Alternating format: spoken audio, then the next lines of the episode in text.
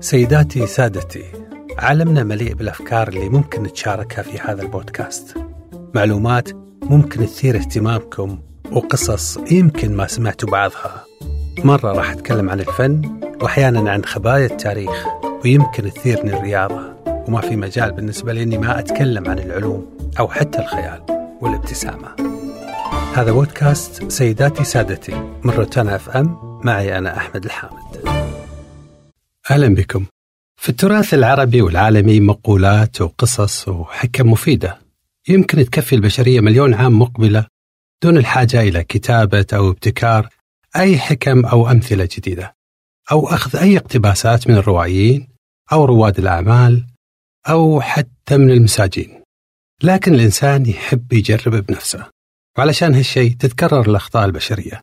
وكأن الأيام من آدم وهي تعيد نفسها.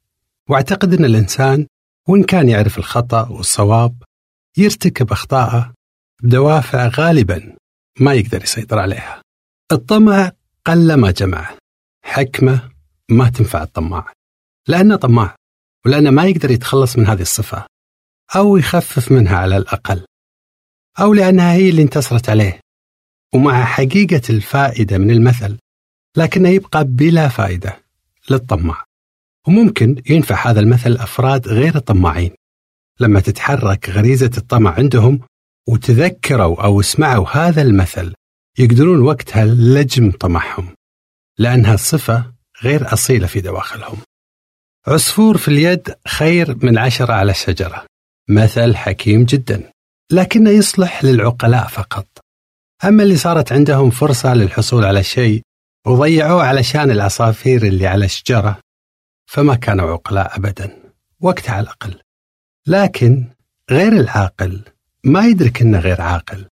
حينها أو حتى دائما ولا ما ضاع عصفورة من زرع حصد. هذا المثل من أكثر الأمثال انتشارا لأن كنا نسمعه ونكتبه في طفولتنا في سنوات المدرسة التلقينية.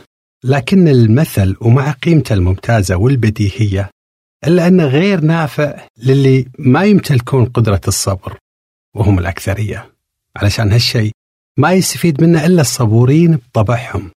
وبعد ممكن الخطاطين اللي يفضلون كتابة الأمثال الكلاسيكية في لوحاتهم. في التأني السلامة وفي العجلة الندامة.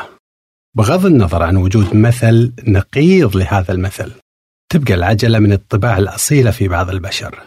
فهل يقدرون تغييرها بمجرد أنهم يقرون هذه الحكمة عشر مرات.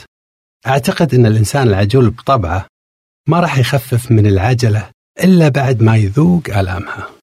لا تقل بغير تفكير ولا تعمل بغير تدبير. ممتاز.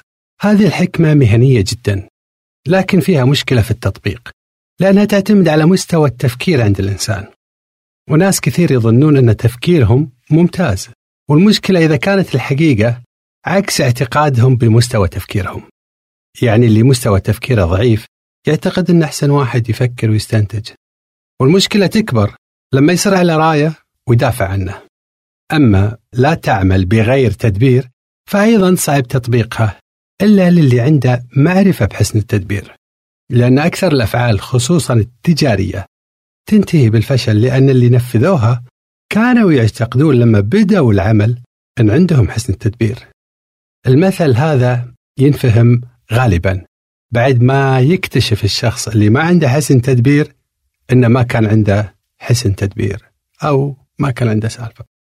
تتكرر مشاهد أخطاء الإنسان لأنها غالبا نابعة من صفة فيه سواء في العجلة أو الطمع أو التبذير أو في أي شيء آخر.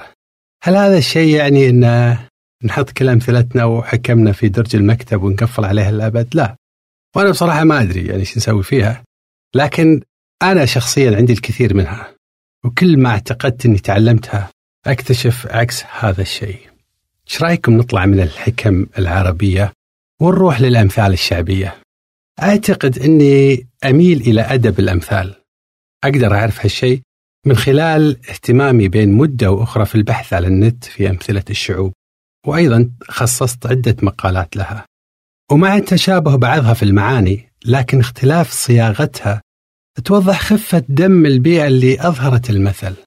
في الشام وعن المرأة الكسولة إذا قلنا لها اطبخي بتقول مريضة بس إذا قلنا لها تعي كلي بتقول وين الملعقة العريضة؟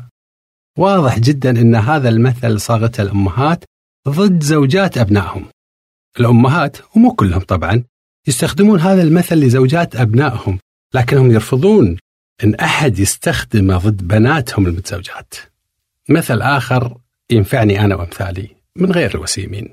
لما قريته قلت تلقائيا للي صاغ المثل ربنا يكبر بخاطرك. لأنه فكر بصورة مفيدة لنا وأعطانا حلول مناسبة. اللي فاتك بالزين فوتوا بالنظافة واللي فاتك بالفهامة فوتوا بالظرافة. إن شاء الله تكون عندي صفة واحدة من هذه الصفات. والله راح يكون وضعي كارثي إذا ما كان عندي ولا واحدة منهم.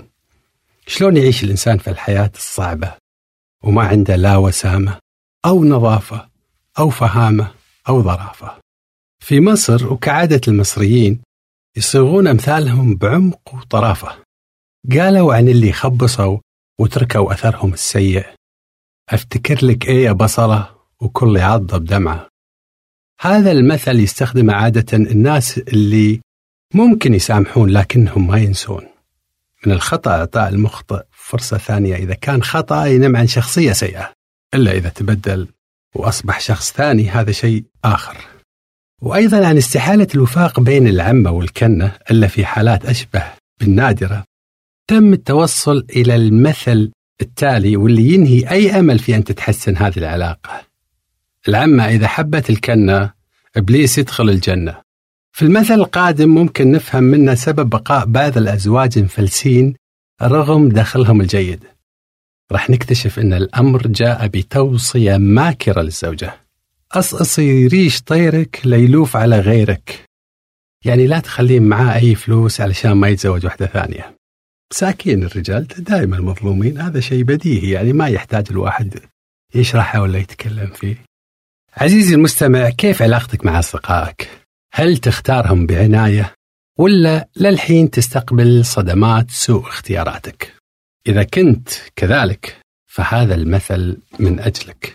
من جاور الحداد انكوى بناره المثل الأخير الآن هو نصيحة في فن الاستقبال والترحيب. والإنسان يفضل أن يستقبل بصورة ودية ودافئة على أن لا يشعر بالاحترام من الطرف المقابل حتى لو كان راح يعطيه شيء.